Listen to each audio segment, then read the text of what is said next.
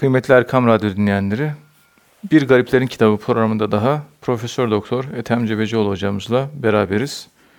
Öncelikle hepinizi saygı ve muhabbetle selamlıyoruz.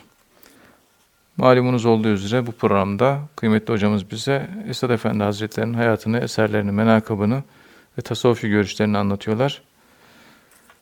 Muhterem hocam, şeytan bazen insanı Allah'ın rahmetiyle, Allah'ın merhametiyle de kandırabiliyor. Allah'ın affedici olduğuna güvenerek insan günah işleyebiliyor. Esad Efendi Hazretlerinin Allah gafurdur, affeder e, diyerek günah işleyen insanlara bazı onunla alakalı ifadeleri var, tavsiyeleri var. Dilerseniz bundan başlayabiliriz. Buyurun hocam. Evet. Euzubillahimineşşeytanirracim. Bismillahirrahmanirrahim. Elhamdülillahi Rabbil alemin. Ve salatu ve selamu ala Resulina Muhammedin ve ala alihi ve sahbihi ecma'in ve bihi nesta'in. Esad Erbilli Hazretleri şöyle söylüyor. Bir takım laubali insanlar var. Allah nasıl olsa gafurdur, rahimdir, afudur, bağışlar, affeder derler. Bunlar kesinlikle bilmeli ki kendilerini aldatıyorlar. Evet, inni gaffarul limen tabe.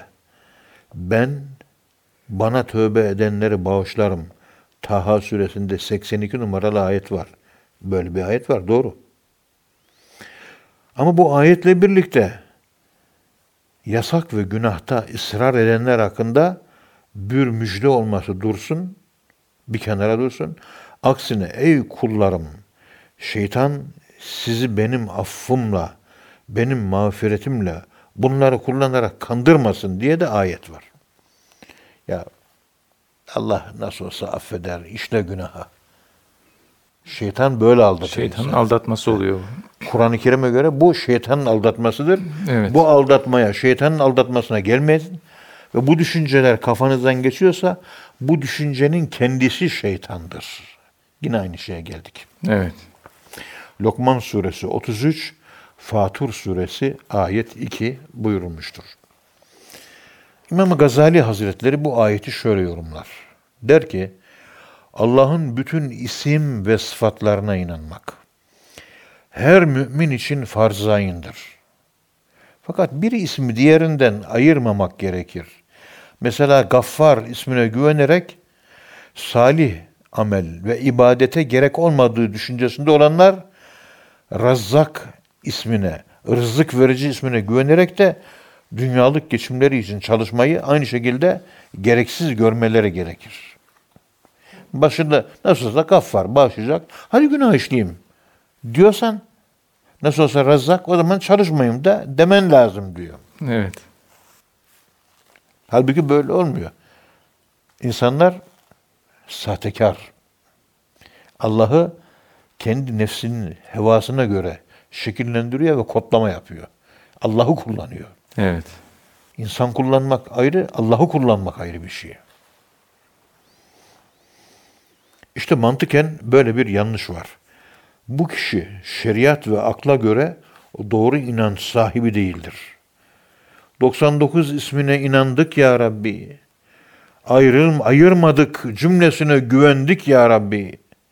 Bizi senden dünyada da ahirette de ayırma ya Rabbi. Bismillahi. Evet hocam.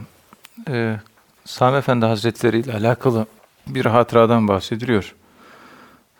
Bendeniz Kelami Dergahı'nda hizmet ederken Bediüzzaman başında, poşusu belinde kamasıyla sık sık ziyarete gelirdi diye hem Sami Efendi Hazretleri'nin geçtiği hem Bediüzzaman Hazretleri'nin e, geçtiği bu hatıradan dinleyicilerimize bahsedebilir misiniz hocam? Evet. Sami Efendimiz şöyle anlatıyor. Bendeniz kelamı dergahında hizmet ederken Bediüzzaman başında poşosu, belinde kamasıyla sık sık ziyarete gelirdi. O zamanlar gençti. Esad Efendimiz'e sorular sorardı. Soruların cevabını alınca hemen ayağa kalkar, Allahu Ekber, Allahu Ekber derdi. Esat Efendi'den, Kadiri tarikatından sevrük sülük çıkardı. Ders aldı. Bir defasında Bediüzzaman tekkeden ayrıldıktan sonra arkasından Esad Efendi dedi ki, bu muhterem genç, gençliğe hizmetle görevli, istikbalde gençlere iman davasında çok büyük hizmetler yapacak. Ama kendisi hala bunu bilmiyor. Kendisine de söylenmedi diyor.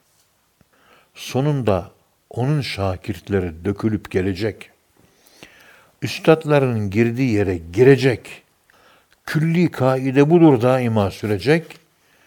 Her şey sonunda mutlaka aslına dönecek. Bediüzzaman Hazretleri Kelami dergahından çıktı. Evet. Şakirtler de aynı dergah sonunda dönecek. Evet kıymetli hocam. Selam hocam, insan tabii iki yönlü bir varlık. Yani toprakla alakalı olan yönü var, bir de ilahi yönü var. İşte toprakla alakalı olan yönüne alemi halk deniliyor. Diğer yönüne alem emir deniliyor. Su, toprak, ateş, hava ve nefs ile alakalı olan yönü. Bir de kalp, ruh, sır, hafi, ahfa gibi bu letaifleri var, latifeleri var. Esad Efendi Hazretleri bu terkibi mektubatta nasıl anlatıyor? Evet, teşekkür ederim vahiyçiyim.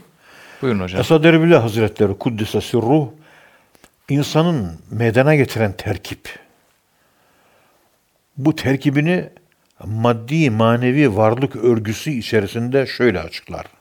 İnsan alemi halk denilen su, toprak, ateş, hava ve nefis ile alemi emir denilen kalp, ruh, sır, hafi, ahva gibi on latifeden meydana gelir. Bu latifeler nefse ait olanı dört tane, beş tane, ruha ait olanı da aynı şekilde yani bedene ve nefse ait olanlar beş, e, ruha ait olanlar da beş tanedir. Toplam on latifedir. Yani bir beşeri beş latife, ilahi beş latife. o- Evet. On latifeden. On latife. mürekkep, Evet. Nefis yaratılışı bakımından alemi halkın kaynaşmasından meydana gelmiş. O zulmani karanlık bir buhar ise de nispeti bakımından alemi emre tabidir.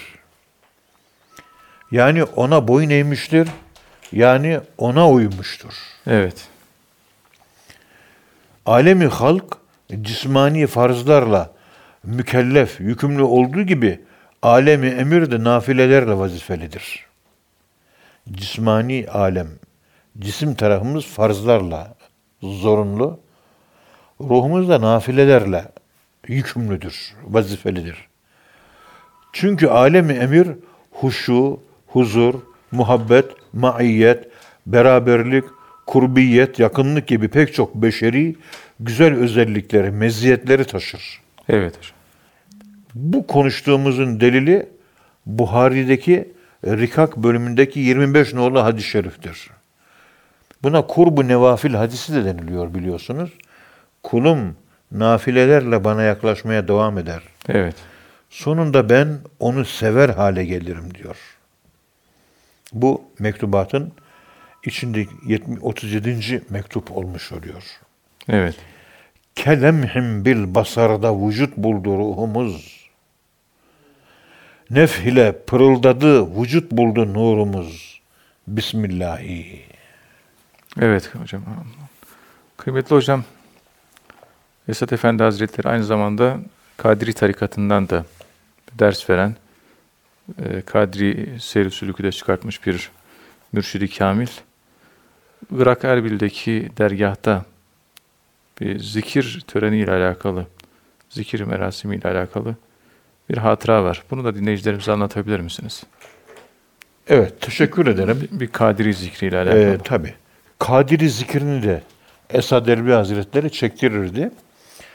Erbil'de Kadiri zikri e, çektirir ama ateş etrafında çektirirmiş. Ateşin o da etrafında. ilginç bir şey tabi. Evet. E, cehri zikrin ateş, yanan ateşin etrafından e, böyle çekilmesi ve daire şeklinde bir grup tarafından çekilmesi ilginç bir şey. Ayakta mı çekiliyor? Ayakta Tabii esas ayakta. Kıyamda çekiliyor. Veyahut da e, otur dizüstü de olabilir. Evet. İki türlü İki de var. türlü de oluyor evet. Diyor ki kendisi anlatıyor Esat Efendimiz. Bizzat Kelami Dergah adlı eserin 163. sayfasında Irak Erbil'deki dergahımızda zikir büyük bir ateşin etrafında yapılır. Evet. Bir keresinde maneviyatı çok yüksek olan ihvanımızdan biri böyle büyük bir ateş etrafında toplu zikir çekilirken kuvvetli bir cezbeye tutulup kendinden geçmişti. Evet.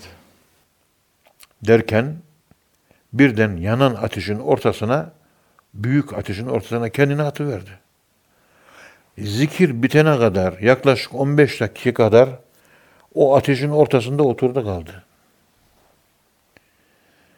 Hiç kimse kendisiyle ilgilenmemişti. Ama yanmadı. Evet. Çünkü herkes o anda olanları fark edemeyecek kadar derin bir vecd halinde zikirle meşguldü. Zikir bitince o ihvanımızı gittim, yanan ateşin içerisinden çıkardım.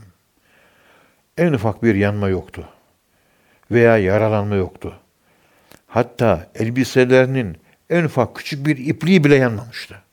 Evet. Kendi de yanmadı, elbisesi bile yanmadı. Allah Allah. Kendine geldiğinde evladım niye ateşe atladınız diye soru sordum. Veyahut da hatırlıyor musun atladığını ateşe diye sordum. Verdiği cevapta içinde yanan manevi ateş sebebiyle dışarıdaki büyük ateşin ona serinletici bir çiçek bahçesi gibi geldiğini söyledi. Yani içindeki manevi ateşi dışarıdaki maddi ateşle soğutmak için yanan ateşin içine atlamıştı. İçerideki ateş daha fazla yani öyle. İçerideki ateş daha fazla, dışarıdaki ateş rahatlatıyor, serinletiyor. Ateş şiirinin manası bu olsa gerek. Ateşle yanan, ateşle rahat bulsa gerek. Bismillahi. Evet. Bir de şu var. Bu- buyurun hocam. Ee, Bundan çok uzun yıllar önce 1991 92 seneleriydi. Böyle Abdülhakim Arvasi Hazretlerini talebelerle ziyaret ettik. Evet. Böyle Temmuz'un böyle şiddetli sıcak aylarından bir aydı. Ondan sonra Sürsefa ormanlarına gittik. Orada biz talebelerle beraber işte yemek pişirdik, bilmem ne yaptık. Orada büyük bir ateş yaktık. Evet. O ateşe dedim ki, arkadaşlar dedim, şimdi bakın Temmuz ayı, güneş son derece şiddetli. Bak görüyorsunuz. Ne yapalım? Şunu yapalım.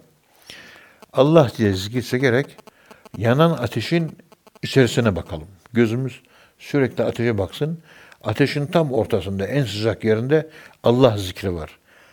Acaba bu 35 derecelik sıcaklık azalacak mı yoksa ateşimiz fazlalaşacak mı? Evet. 50'ye yakın talebe vardı.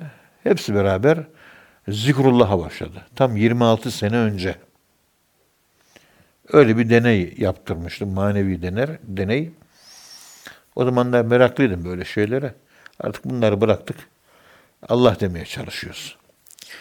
Talebeler şöyle bir yarım saat, rahmetli Süleyman abi de vardı. Yarım saat süreyle talebeler o yanan kor haldeki ateşe baktılar. Bir yanda Allah, Allah, Allah, Allah, Allah diye zikir çektiler. Evet. Bitti. Arkadaşlar aşırı sıcaktan soğuk su içiyorlardı. Soğuk su arıyorlardı. Buz yiyorlardı. Ateşe bakarak Allah Allah diye zikir çekince vücutlarını bir serinlik kapladı ve ondan sonra su istemez hale geldiler. Suya da ihtiyaç kalmadı. Ateşin içinden ateşsizlik çıktı. Hararetten burudet, soğukluk doğdu. Eksi bir ile eksi birin çarpımı artı bir verir. Muhterem hocam, pek çok insan Allah'ı sevdiğini iddia ediyor. Ee, yalnız Allah'ın cemaline aşık olduğunu iddia edip de bunu fiilen uygulamada Allah'ın emirlerini yerine getirmeden bu şekilde iddiada bulunanlarla alakalı. Esad Efendi'nin bazı ifadeleri var. Bazı açıklamaları var.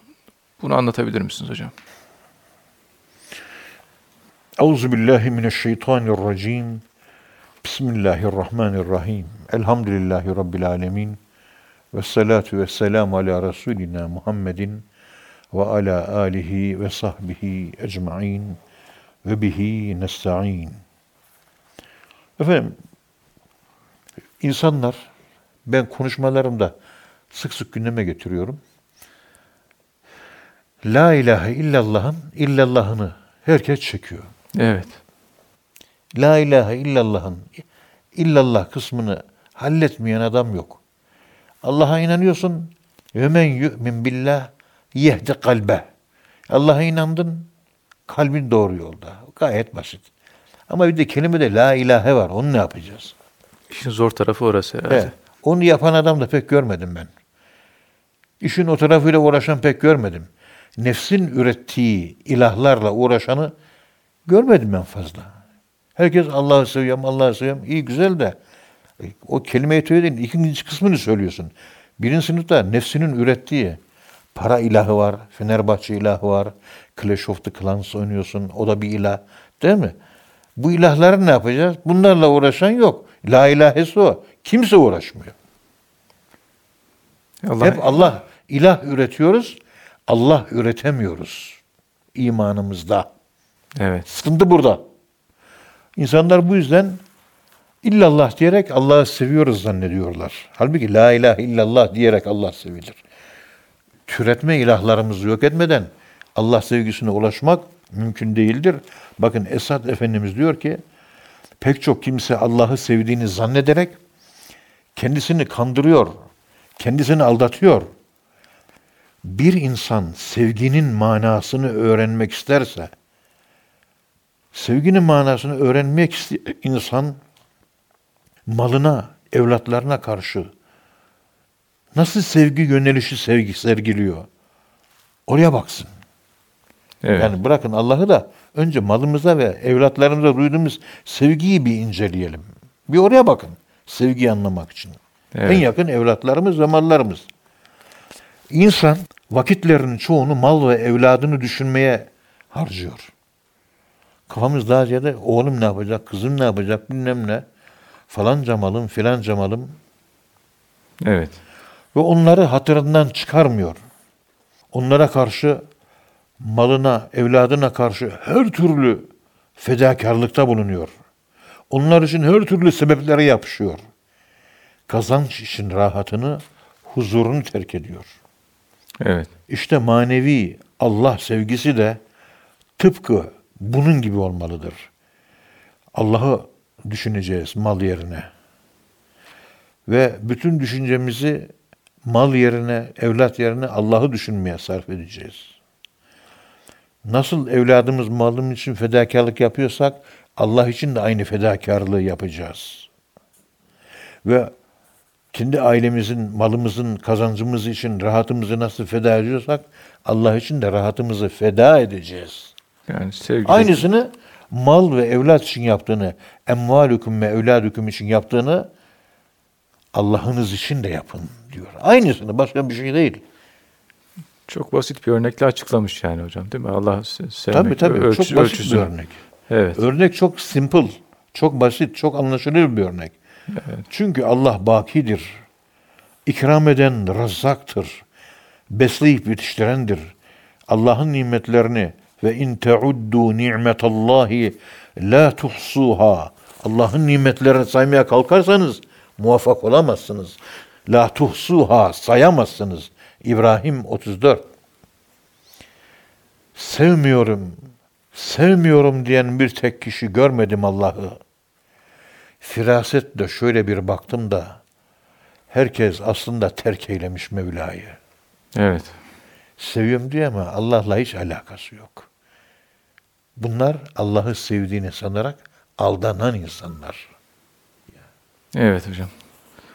Muhterem hocam, tabii bizler Cenab-ı Hakk'ın e, idaresi altındayız. Cenab-ı Hakk'ın mülkünde barınıyoruz. Onun e, türlü türlü nimetlerinden rızıklanıyoruz ama buna rağmen insan yani isyankar olabiliyor. E, Allah'a karşı gelebiliyor, şükretmeyebiliyor.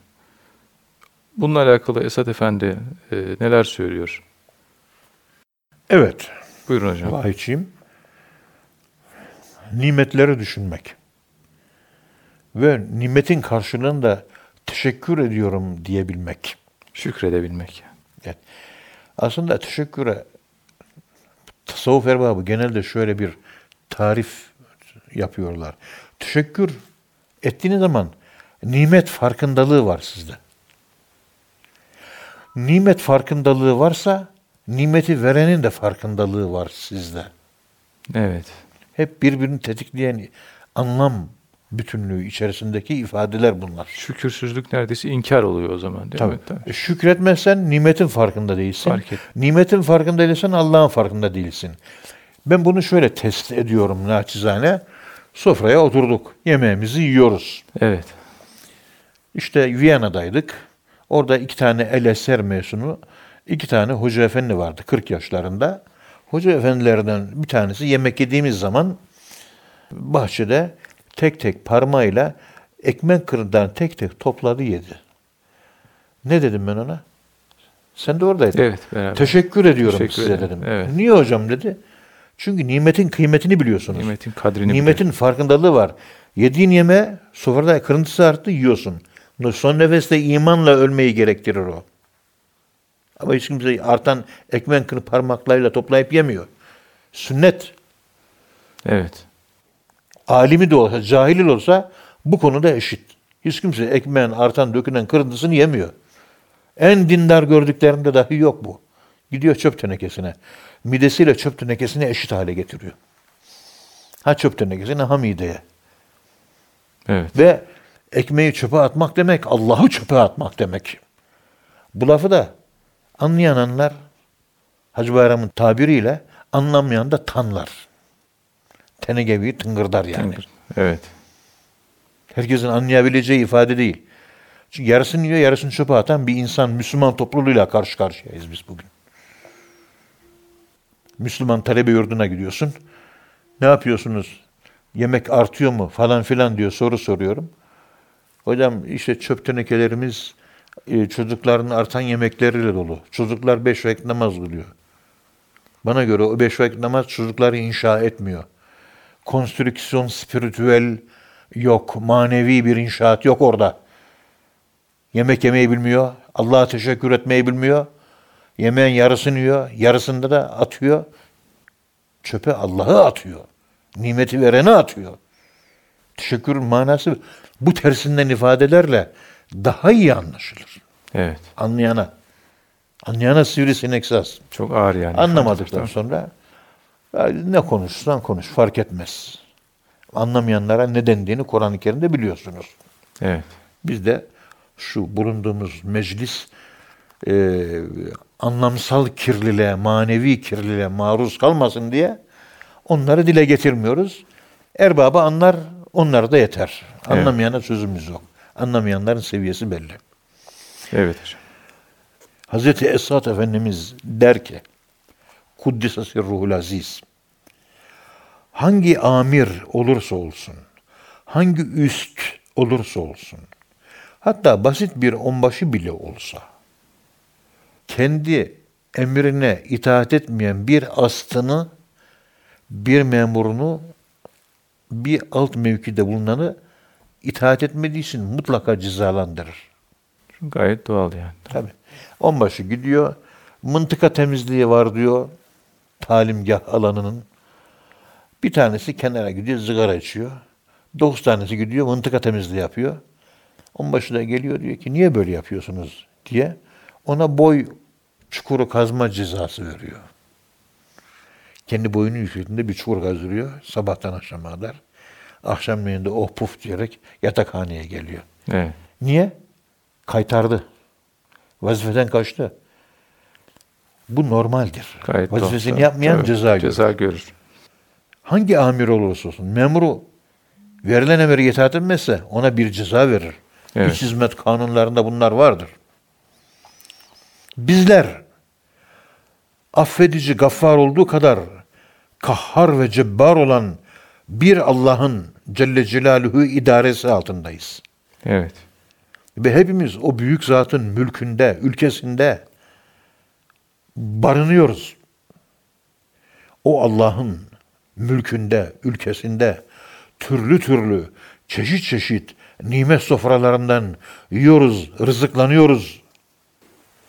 Evet. Bu durumda düşünürsek şöyle bir ve kalben de bir tartıya vurursak her ihtimale karşı emrine itaat etmemiz ve bize verdiği, yüklediği kulluğa da devam etmeliyiz. Yani yiyoruz onun nimetini, o zaman isyan etmeyelim. Evet.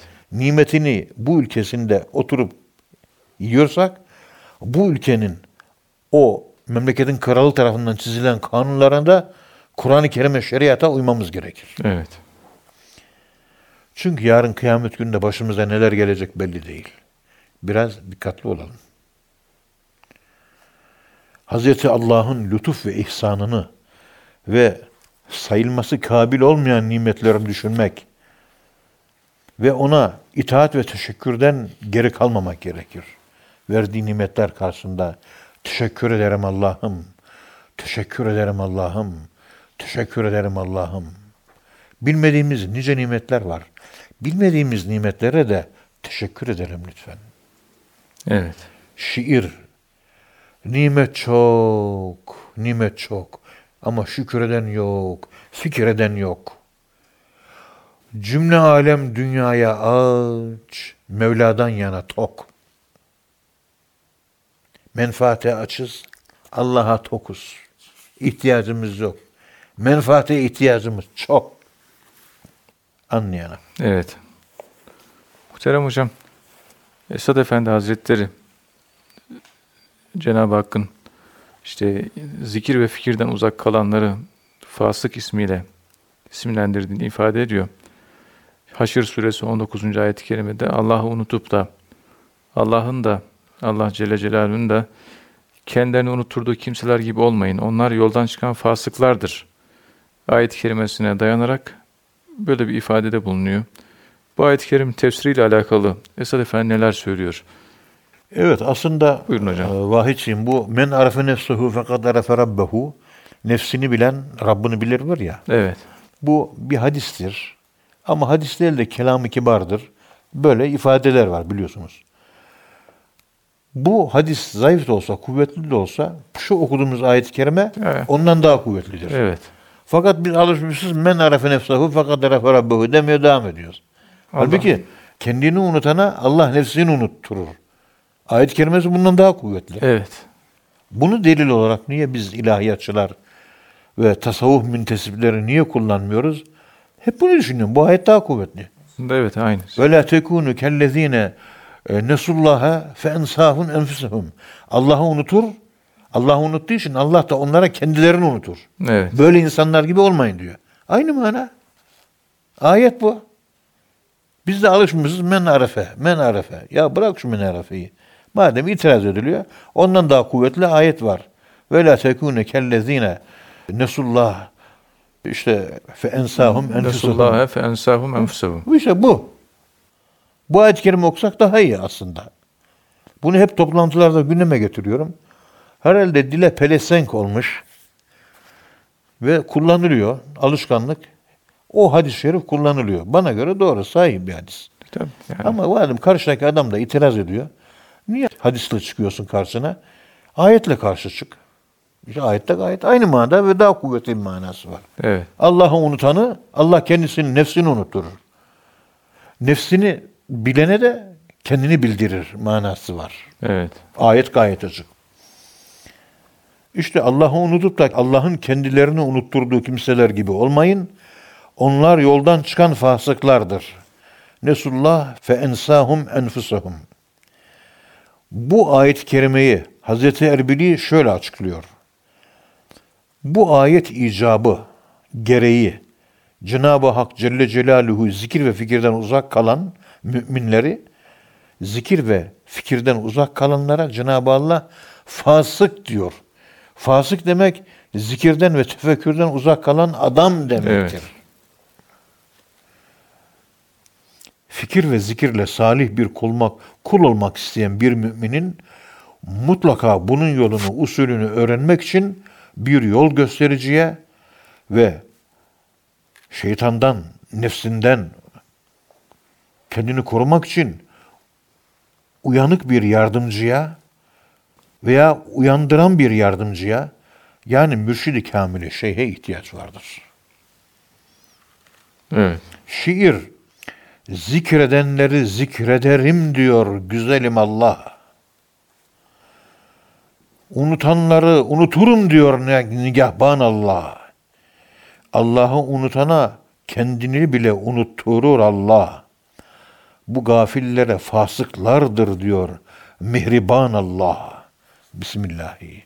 Zikirden uzak kalmak demek, fıska dalmak demek, günahkar olmak demek.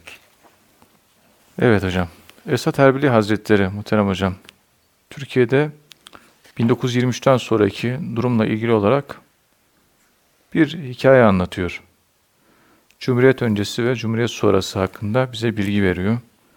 Dilerseniz son olarak da bunu da dinleyicilerimize paylaşabilir misiniz? Teşekkür ederim. Revayiçiyim sağ ol. Esad Erbil Hazretleri Türkiye'deki 1923'ten sonraki durumla ilgili olarak şu hikayeyi anlatır. Evet. 23 öncesi, 23 sonrası. İkisinin mukayesesi kabilinden bir anekdot anlatıyor.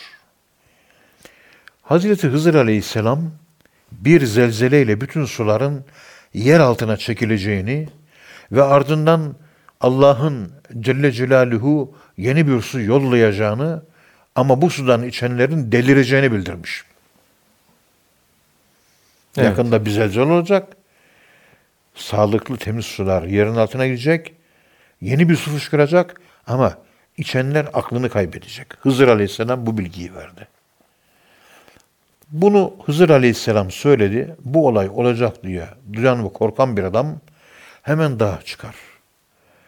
Evinde fıçılar dolusu su depolar. Zehirli sudan içmeyeyim diye. O eski suyun toprağın altına gidecek. Hikmet sularını depolar. Evet. Derken çok geçmez zelzele olur. Ve bütün sular çekilir. Birkaç gün içinde kaynaklardan akan sular da tükenir. Ama dağda, dağda yaşayan adam daha önce tedbirini aldığı için bu zehirli sudan etkilenmez, aklını yitirmez. Evet. Aradan 3-5 ay geçtikten sonra şehirdekilerin tekrar suya kavuştuklarını ve onunla gıdalandıklarını duyunca acaba o suyu içenler gerçekten delirdi mi, delirmedi mi? Onu incelemek üzere dağdan aşağı iner. Bakar ki insanların hepsi delirmiş. O suyu içenlerin hepsi aklını yitirmiş. Allah Allah der. Eskiden Allah'ın kulları olan insanlar artık dünyanın kulları haline gelmiş. Eski su insanları Allah'ın kulu yapıyordu. Yeni su dünyanın kulu yaptı. Eskiden Allah'a taparlardı, şimdi paraya tapıyorlar. Dinuhum, dinaruhum. Evet. Onların dinleri para olmuş, paraya tapıyorlar. Hadis-i şerif. Şehirlerde yaşayanlar kendileri gibi düşünmediği için dağda yaşayan adamın o adam ya deli demişler. Delilerin arasındaki akıllı delilere göre standart olarak delidir. Bu durumda dağda yaşayan adam hemen şehirden ayrılmış, dağdaki evine çekilmiş. Yaşamış bir iki sene ama yalnızlığına dayanamamış, tekrar şehre insanların arasına dönmüş. Evet. Şehirdekiler önce deli diye onunla konuşmak istememişler. Bunun üzerine adam dağda depoladığı hikmet suyunu bırakmış. Şehirde deliren insanların delirten suyunu içmeye başlamış. O da diğerleri gibi deli olmuş ve filantrop toplumsal bir hayata kavuşmuş. ama aklını kaybetmiş. Evet. Sular eskiden berrak akardı Osmanlı döneminde hikmetle. Cumhuriyette sular kirlendi. Artık akıyor zulmetle. Karanlık su içiyoruz. Pozitivizm, rasyonalizm ve sekülerizm hastalıkları. Kısaca olay bundan ibaret. Evet hocam Allah razı olsun. Kıymetli dinleyenler bu güzel hi- hikayeyle programımıza son veriyoruz. Hocamıza da teşekkür ediyoruz. Muhterem Erkam Radyo dinleyenleri bir programın daha sonuna geldik. Hepinize Allah'a emanet ediyoruz. Bir sonraki programda tekrar buluşmak ümidiyle efendim. Hoşçakalın.